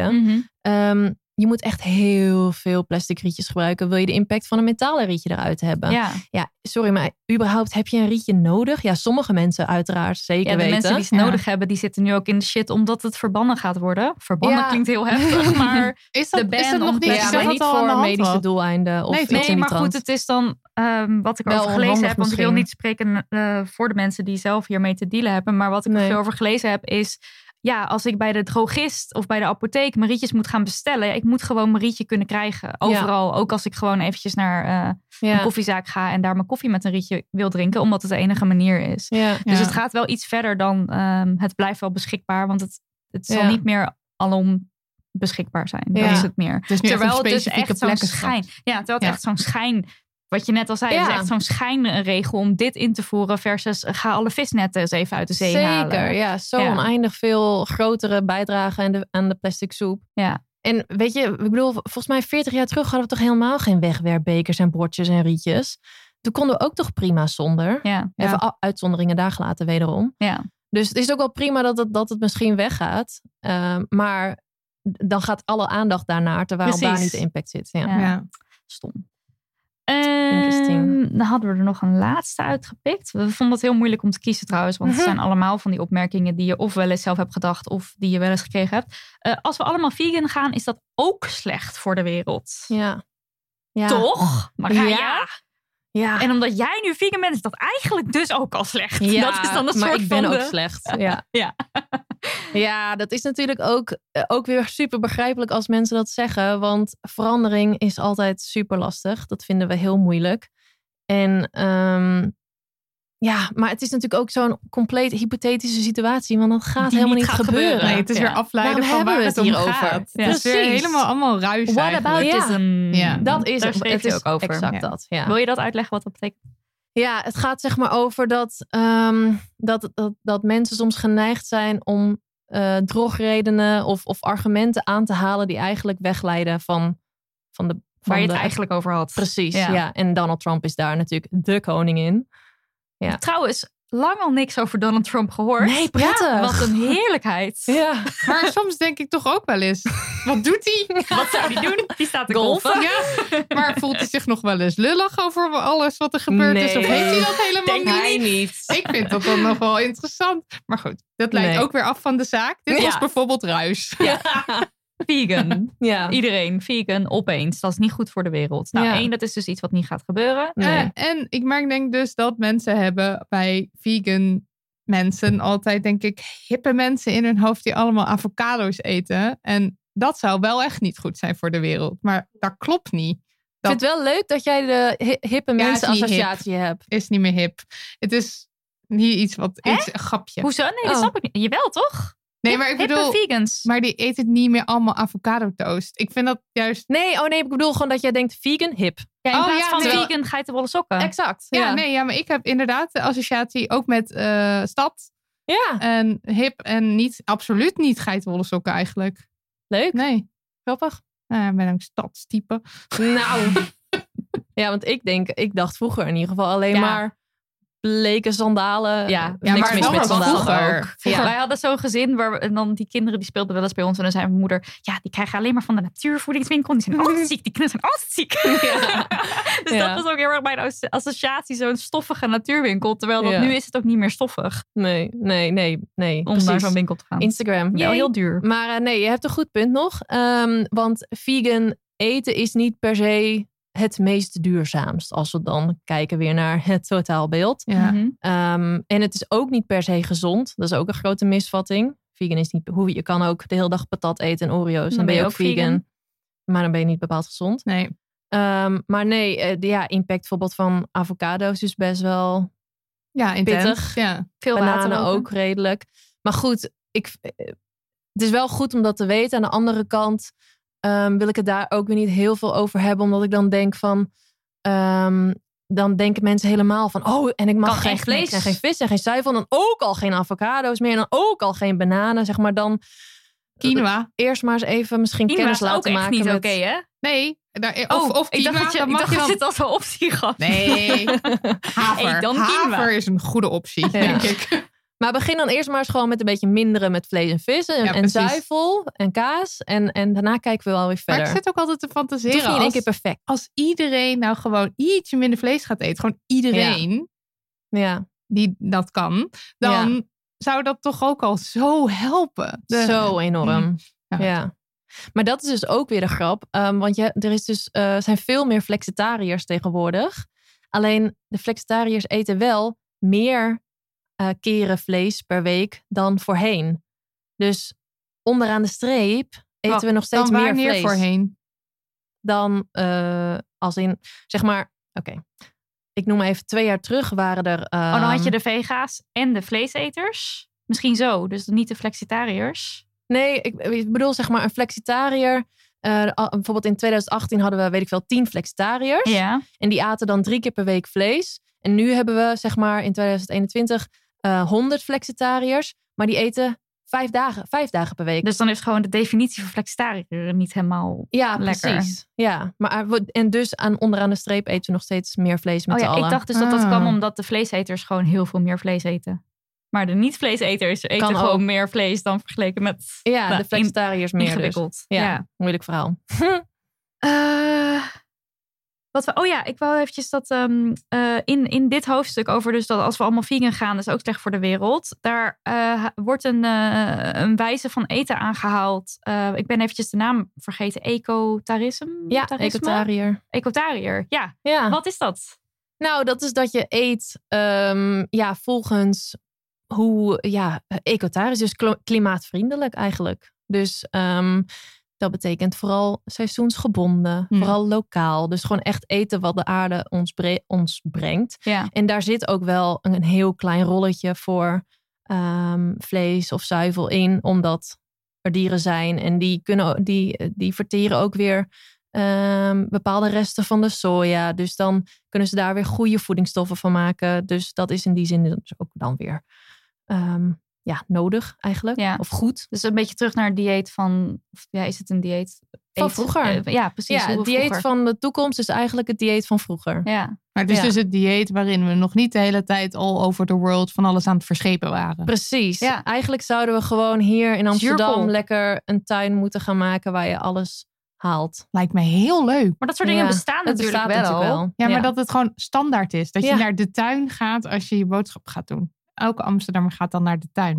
Ik zou het toch ook Ja. wel heel interessant vinden als je gewoon één keer een week lang in de Albert Heijn of in welke supermarkt je ook komt, dat er dan overal bij staat, nou, dit is dus helemaal ingevlogen vanuit daar en daar. Want zoals een, ba- Ja. dat een banaan dus heel slecht is, is eigenlijk heel logisch, want het groeit niet hier. Ja. En toch, eh, nu jij het net zei, dacht ik, bananen ook. Dus zeg maar, ja. het, het, het, ja, het is zo onderdeel van, van de voeding geworden hier in Nederland. ja, ja. Dat je er dus niet eens meer over nadenkt. Het- En ook die appels die dan dus, sorry hoor, die appels die dan weer vanuit een ander land hierheen gehaald worden, omdat de boeren hier er weer een te hoge prijs voor vragen voor. ja. Dat zijn echt. Ja, het is ook, het- maar het is ook oneindig moeilijk hoor. Want ook met bijvoorbeeld Ja. tomaten, dan denk je, oh, die, maar die verbouwen we gewoon in Nederland. Maar ja, soms Komen is ze uit het weer. Argentinië of zo, toch? Weet Ja, ik, nou ja, soms als je dus tomaten uit Spanje hebt, zijn ze eigenlijk weer klimaatvriendelijker dan in Nederland. Omdat ze dan in Oh, Nederland in de dus kassen wel. zitten. Oh, en ja, in ja. Spanje gewoon op het land. Dus dat is ook weer. Maar dat- Hoe je- weet de mens? nou, dat snap ik. Dat is super lastig. Ja. Maar ja, zon, kijk, ik denk dat zonder tomaten zou ik het wel echt lastig vinden, bijvoorbeeld. Als tomaten niet meer mogen, dan eh, ben je oud. Nou, niet oud, maar ik zou het wel een uitdaging vinden. Ik bedoel, ze zijn sowieso overal wel voor te porren om te proberen. Maar, Maar dat is het. Als we, wat jij net zei, gewoon als iedereen gewoon, gewoon een beetje, beetje zijn best doet, een Ja. beetje minder vlees, dan ach, ach, scheelt al zo erg. nog iets, want jij zei net seizoensdingen. Ik weet bijvoorbeeld ook nooit wanneer de dingen in het seizoen zijn. En dat zou ook al heel erg helpen Ja. in de winkel. Ja. Als er gewoon zou staan, dit is in het seizoen en dit is lokaal geteeld. Want dan ga ik dat dus eerder kopen. En ik heb Ja. wel eens een tijdje dat ik dan ging opzoeken wat er dan in het seizoen was. En dat ik dat dan ging kopen. Maar ik wil daar... Ik wil Je kan het als- een beetje aan de prijzen zien, toch? Als in een mandarijn die niet in het seizoen is, is niet twee netjes voor de prijs van één netje. Maar zo ga ik niet naar de winkel. Oh, Nee. Ja, het, eigenlijk zou de supermarkt er best wel een educatieve rol misschien in mogen nemen. Dat ze gewoon wat beter, dat ze wat leuke borden overal neerzetten. ja. Nou ja, ik vind dat ze daarop mogen inspelen hoor. Ja. Het is een winst te behalen. Mhm. Oké, dan ehm, duurzaamheid en perfectionisme. Ik, ik had jou dus net in de hoek van perfectionisme geduwd, maar dat was misschien niet helemaal terecht. Nou, er- ja en nee. Ehm, ik ben wel iemand die altijd heel erg zijn best wilde doen. Mhm. En dat, daar heb ik soort van mijn hele leven op ge- gebouwd. Maar Toen ging het ehm, mis. Toen ging het mis, inderdaad. Ja. Oh, je hebt het al gelezen. Ja, en ik herken me er dus heel erg in. Want Ja. dat is ook een beetje mijn verhaal. Dus daarom Oh, dat ik ja? jou in dat hokje perfectionisme had geduwd. Want eerst zo keihard alles heel goed willen doen. En toen bam. Ja, Wat toen gebeurde ging er toen? niet goed. Ja. Ja.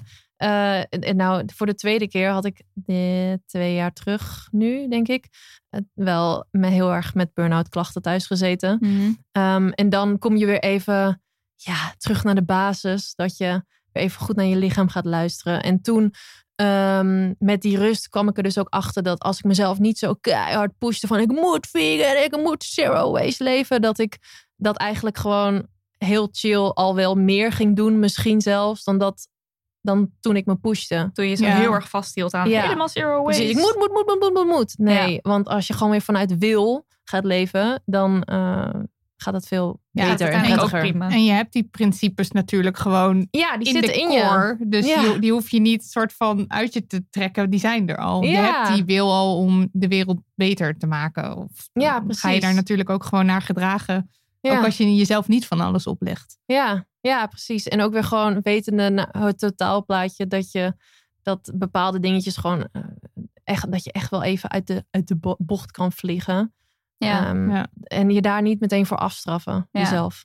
dat grotere plaatje is gewoon super belangrijk. Ja. Maar je had het ook over je voetafdruk in je, in je boek. Dat je die kan uitrekenen. Ja. Waar, waar kan je dat eh, doen? ja, bijvoorbeeld mijnverborgenimpact.nl, maar ook eh, Milieu Centraal heeft ook zo'n tool. Want dat is natuurlijk het grote plaatje waaraan je meteen kan zien van... oh ja, deze dingen die Ja. maken veel, ehm, Ja, veel impact. Ik ga het wel eventjes eh, in de show notes zetten voor de mensen die dat interessant vinden. ik om daar eigen dan niet eens verborgen aan. dat het- plaatje te ja, zoeken. Kan gewoon natuurlijk. verborgen plaatje. Eigen verborgen plaatje. ja, Eh, maar Maar dan kan je eigen dus... voetafdruk. Ja. eh, ja, ja. Je, wel een beetje je natte verborgen plaatje. sorry. Ja, nee, de verborgen voetafdruk. Maar dan kan je dus precies zien waar je het meest op kan Ja, verbeteren. Zeg maar. Ja, precies. Ja, Ja, ook in woningen en zo is dat, hè? ja. Er zijn gewoon heel veel dingen die je natuurlijk, even los van dat telefoonhoesje wat je wel of niet koopt, zijn er gewoon dingen die in jouw leven al zitten, die al eigenlijk kut zijn. Ja. Zoals wel of niet de goede ehm, ramen. Ja, dubbelzijdig. dat? Dubbelzijdig? Ja, Dubbel, dubbel glas. Hoe, in Ja. hoeverre woon je in een huis wat goed geïsoleerd is? ja, precies. Heb je wel of niet een auto die je voor je werk nodig hebt? Al Ja. dat soort dingen. En, eh, en ik heb een vriendin die zegt altijd... Kind, als je geen kinderen krijgt, dan kan je eigenlijk doen wat je wil. Lekkere vrijbrief. Ja, Ja. Dat, dan, dan En kan je toch zo wil dat mens kinderen. Dat is ook niet handig. Welk mens? Oh, ik dacht je het over Cato had. Nee, Oh, wie zijn wie dan? Lisbeth Smit. Oh, Uit de aflevering... eh, Niet moederschap. Niet moederschap. Ja. die zegt altijd, als je geen kinderen krijgt, kun je doen wat je wil. Dus, eh, nou, neem Oké. het. Neem, neem het ervan.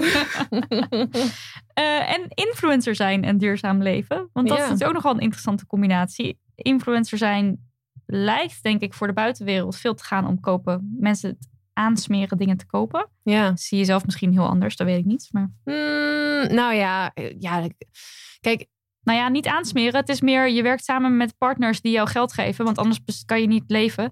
ja. Eh, en die partners die zullen waarschijnlijk van jou willen dat je je volgers vraagt om iets te kopen. Maar dat, is dan altijd lastig, omdat je eigenlijk wil dat ze minder kopen. Hoe maak je die afwegingen? Nou, dat is natuurlijk, eh, dat, dat, dat blijft een uitdaging. Ik heb ook ongetwijfeld, of dat weet ik zeker, dat heb ik in het verleden ook wel samenwerkingen gehad waar ik nu dus bijvoorbeeld niet meer achter sta. Ja. Ja. Maar goed, dat is prima, eh, live and learn. Ehm, maar het is wel, wel lastig inderdaad, want consumeren is per definitie niet duurzaam. Dus, maar wetende dat mensen toch wel bepaalde producten nodig hebben, bijvoorbeeld een dagcreme, ehm, dan denk ik wel van, nou, daar zou ik dan, als dat een goed merk is, cruelty-free, vegan, natuurlijk, bla bla bla, ehm, dan wil ik ze wel dus een betere optie Ja, ja, ja. Voorschotelen. Ja. Dus in die zin, daar, op die manier kan het dan wel. Maar het is wel zo dat ik 90% van de eh, eh, influencer aanvragen of, of de zeggen, samenwerkingen afsla. Omdat Ja. het gewoon of greenwashing is of eh, ja, gewoon niet past. En soms licht je ze ook echt uit. Want je had laatst een post Ja. over, de, over Arla. Ja, en dan, dan ga je ik er wel ook echt, hard eh, in. lekker, ja. Wacht, eerst even uitleggen wat er in die post... Wat was de strekking van de post? Ja, nou, ik was eh, dus ehm, gevraagd eh, door Arla voor eh, een campagne over hun klimaatneutrale melk. En ehm, toen dacht ik, ja, dit ga je nu bij allemaal influencers zien, maar ik wil wel even uitzoeken hoe dat zit, want klimaatneutrale melk bestaat gewoon niet. Mhm. Ehm, dus daar heb ik gewoon eigenlijk, ja, misschien wel een beetje gemeen, maar ik heb daar gewoon meteen een post over gemaakt. Eh, waardoor ook dus weer andere influencers tegen mij zeiden, oh, ik heb nu de samenwerking afgeslagen. Ja, wat goed. Yes. Ja. Ja. Influencing de influencers. ja. Ehm, maar eh, ja, da- da- da- daar ging ik gewoon mensen wat over informeren, want het is gewoon greenwashing. Ja. Ja, en wat ik ook wel tof vond, was dat je dan zei van... eh, ga nou niet meteen al die influencers eh, lopen bashen. Ja. Maar bij het bedrijf... eh, Nee, want we, we, we hebben het net toch ook al gemerkt hoe complex het onderwerp is. Ja. Dus ik snap ook dat influencers of gewoon mensen denken, oh, klimaatneutrale melk, melk top. ja, dat Dat- klinkt, dat- het klinkt goed. klinkt Let's do it. top. Als je dan toch melk wil, dan maar die of zo. Weet je wel, dat soort en het gedachten. is beter, dat heb ik ook gezegd. Als je wel melk koopt, Dan die. d- d- koop Van dan die maar. ja. Ja, zeker. Ja. Maar ga niet denken dat, je, eh, dat het nu helemaal... Het zat hem gewoon heel erg in de communicatie en de marketing. En Ja. daarom was ik het niet mee eens. Ja, want dan doen ze inderdaad. En, en dat had je ook gedaan bij Naked. En dat vond Ja. ik ook wel best wel sterk. Want die gingen in op Dat is een fast fashion merk, fast toch? fashion merk. En die gingen op eh, klimaatneutraal eh, vervoer, geloof ja, ik. bezorging. Ja. Ja. En, en je denkt, wat? Enorme oogrol hier. Maar ja, als je dan als je dat dan als consument ziet, denk je, nou, ik ben goed bezig of zo. Tenminste, Ja. ja. het is gewoon zo misleidend. Ook al weet misleidend. je misschien heus wel dat het niet zo werkt. Ja, Ja. maar het geeft toch gewoon onterecht een heel goed gevoel voor de mensen. En dat is zo. Ik snap het, maar het, het klopt zo niet. Want die impact van die bezorging is misschien een halve procent van Ja. de spullen die je dan. besteld. koopt. Ja. Ja. Ja. Ja. Ja, tegelijkertijd, heel- wij lopen er zelf ook tegenaan. Is het gewoon lastig, adverteerders en een goede wereld. Dat is Ja. niet altijd even makkelijk te... Ja, dus het Te is verbinden. echt heel erg kijken bij. Bij, wat ja, vind bij ik jezelf, wat vind ik belangrijk? Kan ik dit verantwoorden voor mezelf? Is de, ga, Ja. Zit ik nu ergens onderuit te komen of me onderuit te lullen? Of sta ik er echt achter? En dat je Ja. dan, dan dus zo de afweging maakt. Ja. Ja, en je hebt natuurlijk ook wel, ik heb ook best wel wat in- influencer-klussen gedaan op, ehm, op, op een boodschap Maatschappelijk, bijvoorbeeld. ja, ja, ja. Ja. ik heb bijvoorbeeld een video gemaakt. Oh, dan ging ik een week als iemand met diabetes leven. Ja. Om dat eh, een beetje daar een kijkje in te geven. Eh, dat is, was ook wel tof. Ja. Het boek ligt 13 april in de winkel. Je kan hem nog net pre-orderen als je deze aflevering luistert op de dag dat hij online komt. Namelijk zaterdag 10 april. Heb ik dat goed uitgerekend? Goed, ja, Ja. want het is nu, ja. En anders dan ligt hij dus in de winkel. En, eh, En het heet Dit gebeurt er als je duurzaam gaat leven. ja, en wat ik ook tof vond, is dat je ook schreef van... het gaat me er niet om dat dit boek nu als een malle gaat verkopen. Maar eh, geef het door. ehm, zorg Ja. maar dat de boodschap bij mensen terechtkomt. Ja, Dus, ja. ehm, geef het vooral aan al je, al je vrienden. En eh, iedereen die het moet lezen. Ja, Ja, zodat je lekker de munitie hebt en een beetje power.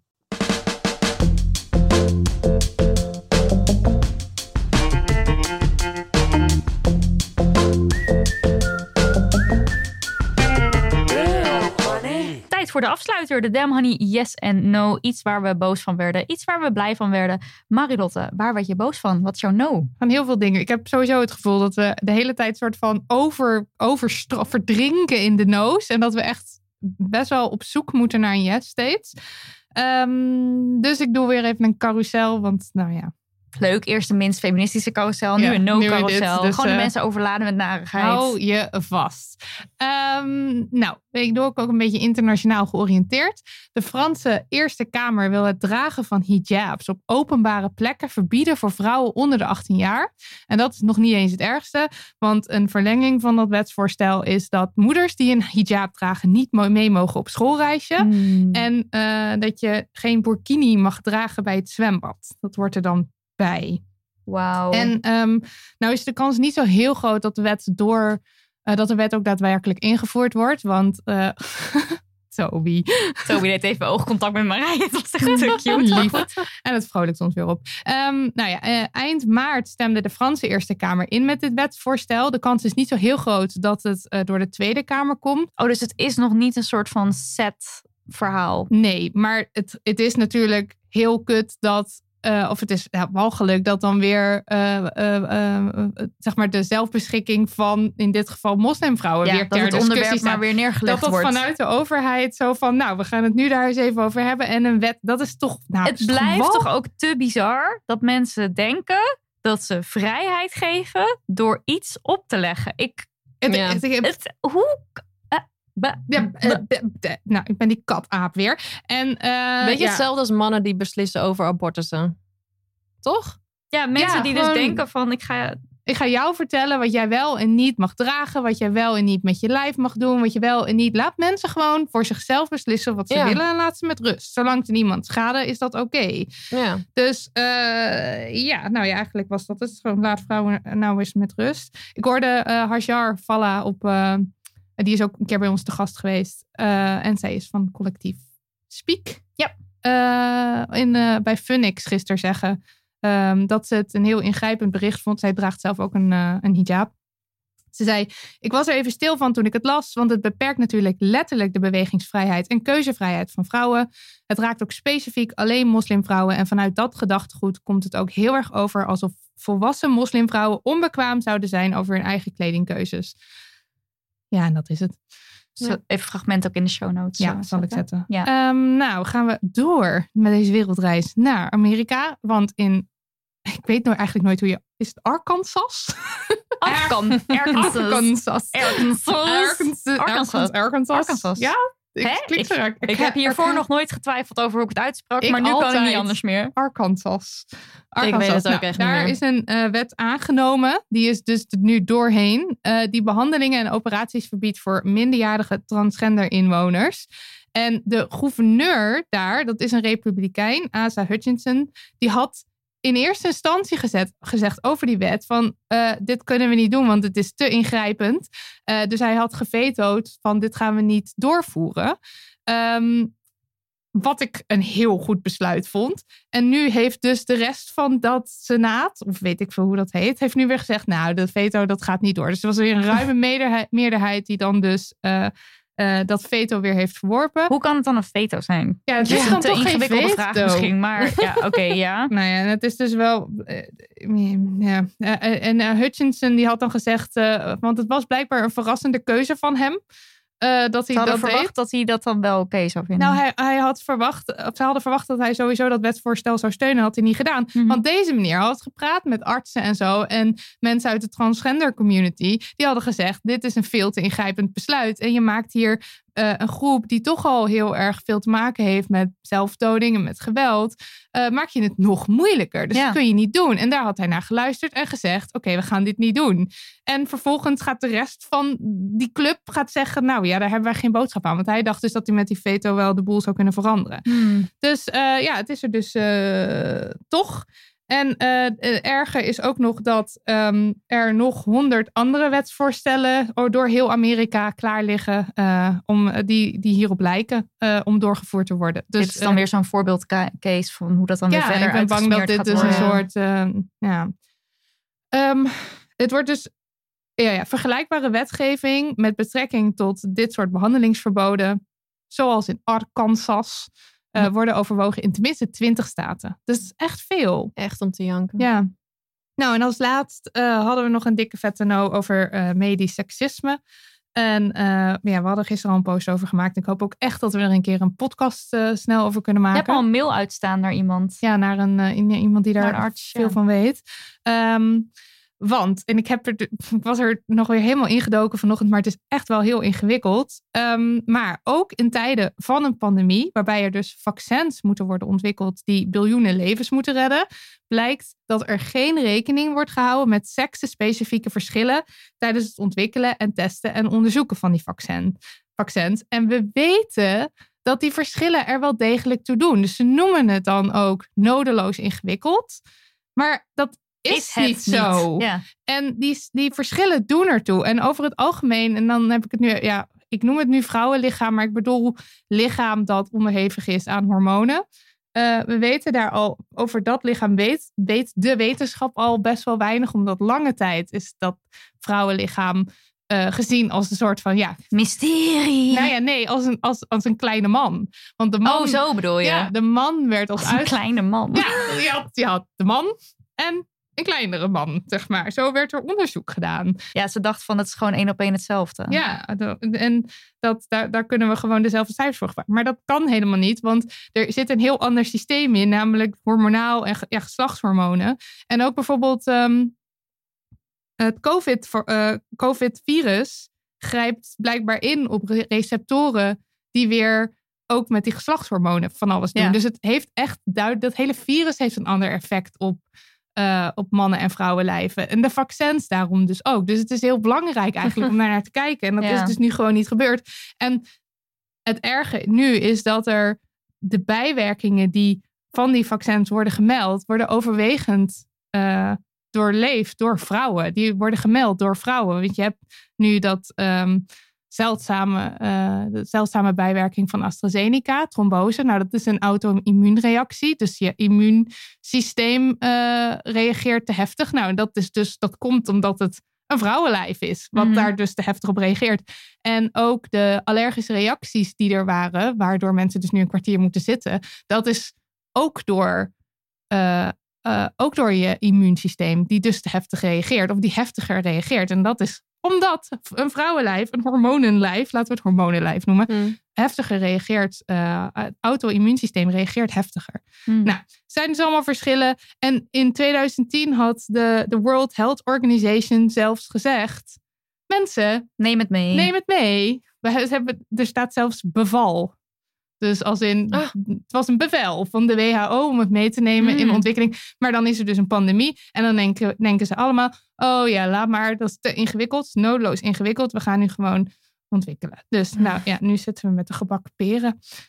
Ehm, ja, dat was mijn carousel. Lees onzichtbare vrouwen over dit Oh onderwerp. ja, echt Nog hoor. Maar dat is alleen als je, als je er energie ervoor hebt, want het is ook ellende. Gewoon één boekwerk vol met hoe de wereld is ingericht op mannen. Ja. Ik weet ook gewoon echt niet wat ik moet zeggen. Ik, Je wordt gewoon overladen. Ja, je zit gewoon een beetje Mag je zo. naar huis. Ja. Ja, ik neem het allemaal op en eh straks ga ik huilen. Ja. mag. Ik heb nog wel een yes. Ik weet niet of ik je kan verblijden hiermee. Ehm, wat- mijn yes, het is wel al een yes, maar het kan dus een nog grotere yes worden met hulp van onze luisteraars. Dus let goed op. Het zit zo, de NPO, eh, NPO 3 specifiek, die organiseert de 3-lab of 3-lab serie, serie contest. Ik weet niet of ik het nou heel erg English of Nederlands. De 3-lab serie contest organiseren ze. Mooi gezegd. En eh, yes. in die contest maken vijf pilots van series kans om echt ontwikkeld te worden tot een volledige dramaserie. En eh, die zijn allemaal gemaakt door jonge makers van eigen bodem, deze pilots. En de pilot die ik ga noemen, die deze week is verschenen, die is al hier al een keer getipt nog voordat hij bestond. Maar nu bestaat hij dus wel echt. En dat is de pilot van Self-Made Man. Dat Ja. is mijn yes. Zo leuk. En Self-Made Man is een coming-of-age webserie over de zoektocht naar genderidentiteit en identiteit aan zich. Eh, en de serie is een eerlijk en realistisch portret van het, jonge, van het leven van een jonge transman. Nou, dat is natuurlijk al heel erg geweldig, want representatie. Ja, fantastisch. En ik hoorde dus ook dat, eh, want het gaat over een transitie. En dat de transitie van de hoofdpersoon in de serie. Mason in de, in de serie, ja. ja, meest in de serie gelijk loopt aan de transitie van ja, de echte Matthew persoon. Schwartz. Ja, Matthew top. Schwartz. de acteur. De acteur. Ja, dus Mooi. dat is, en dat is ook voor het eerst in een serie dat dat aan de hand is. Was dat niet bij Anne Plus ook? Het hoort daar ook bij daar, Anne Plus. liep ook een, daar liep ook een transitie Ja. in. En eh, die acteur, ik heb zijn naam niet op, op mijn Nee, flip ik ook niet. van Zonneveld. Flip Ja. Zonneveld, ja. Maar nog iets, geloof ik. Oh, dit is Nou, heel... Wacht, wacht. Gevlaaflipt op Instagram in Ja, ieder geval. maar zoek eventjes zijn volledige naam op. Want hij is dus de regisseur van deze serie. Hmm. En eh, de co-creator, dat is dan eh, Matthew Schwartz, die dus ook de hoofdrol speelt. Dus dat is al... Flip Zonne Zuiderland. Ja, ik wist dat er nog, dat het nog een soort, dat het een soort drieachtige namen waren. Ehm, maar wat ik over wil zeggen, dus het team zelf weet ook waarover de serie moet gaan. Welke onderwerpen er terug moet komen. Waar je tegenaan loopt. Welke, met welke shit je moet dealen als transman. Maar in de serie gaat het niet, zeg maar, ehm, eh, de, medische transitie, die, die normaal gesproken, die je vaak terugziet als het gaat over trans mensen in de media, is niet een onderwerp. Het gaat ook niet per se over hoe de sa- samenleving eh, eh, afkeer uit. Of Ah, niet, top. niet, Ja. daar gaat het niet over, maar het, het neemt het wel mee tegelijkertijd. Dus je ziet bijvoorbeeld in de eerste aflevering eh, dat Mason eh, tegenover een nieuw huisgenootje komt staan. En dat dat huisgenootje dan allerlei ongepaste dingen gaat zeggen. Dus het Ja. is niet dat je dat niet ziet, maar het is niet.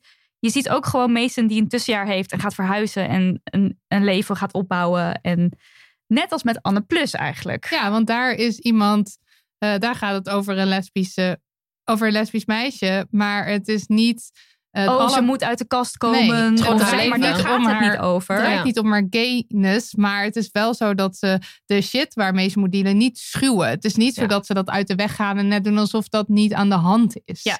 En dat vind ik er heel fijn aan, want het is een heel realistisch beeld, maar het is niet gemaakt om zeg maar de hetero's op te voeden. Nee, precies, dat is het. Ja. Dat is het inderdaad. Ja. Ehm, en het is ook niet een soort van, hoe zeg je dat, inspirational porn of zo. Dat is het dus, daar, dat is het allemaal niet. Nee. En eh, dat het dus die overlap heeft met Anne Plus is niet helemaal eh, raar. Want ehm Anne Plus, de stichting, die produceert dus eh, Ja. deze serie in samenwerking met de NTR. Ehm, en dit is wel, dat is een kleine tegenvaller. Het is maar 11 minuten en 21 seconden die je nu kan kijken. Ik was echt zo, toen het afgelopen was. Al wil ik wel even tegen de makers zeggen, mochten ze luisteren, ik ben me ook heus wel bewust van dat daar, dat, dat natuurlijk al vet veel werk kost. En ik wil ook weer niet doen van, nou, eh, was dit alles wat jullie, dat helemaal niet. En in die 11 minuten en 21 seconden kwam Tijn de Jong al voorbij. dus wij meteen gillen. gillen. Ook een van onze eh, eerder te gast geweest hier in, uh, in Honey. Ehm, maar als we nou met z'n allen massaal deze video gaan bekijken. Die staat op YouTube, op NPO 3. En dan in de comments gaan laten weten van ik wil hier meer van zien. Dan kan het dus zijn dat er genoeg funding komt om de volledige dramaserie te maken. En dat willen we natuurlijk, want we willen meer dan 11 minuten en 21 seconden. Heel graag. En als het nou niet lukt op die manier, dan gaan we gewoon Dan gaan we een crowd- crowdfunden. Ja, dan Ja. zorgen we op een andere manier dat het gaat komen. Want Ja. het is gewoon erg fantastisch. Dus ehm, ga nu meteen naar het YouTube kanaal van NPO 3. Kijk het. En kijk het dan nog een keer, want hoe meer views, hoe beter. En laat een comment Ja. achter. Like en subscribe Yes. en zo. Like en subscribe. Ja. Nee, met dat YouTube-talent moeten jullie wat gaan doen. Oh, ja, I dus don't moeten we... eh, nee, het niet. Bedankt Dit was aflevering 65. Dankjewel Marije. voor de uitnodiging. Dankjewel Daniel van de Poppen, Jinkelman Lucas de Geer en website wizard Lisbeth Smit. Dank, dank, dank. En lieve luisteraar, ook dank dat jij bestaat en deze rollercoaster aan emoties elke twee weken met ons weer doormaakt. Wil je ons iets laten weten? Dat kan. Stuur post naar info.damhoney.nl. En geld kun je kwijt op petje.af slash damhoney. Geef gul, geef maandelijks. Of geef niet per se gul, maar geef in ieder geval maandelijks. Want dan kun je genieten van bonus content. Maar dit alles hoeft natuurlijk allemaal niet. Want zelf weten. Altijd zelf weten. Dag. Doei. Doei.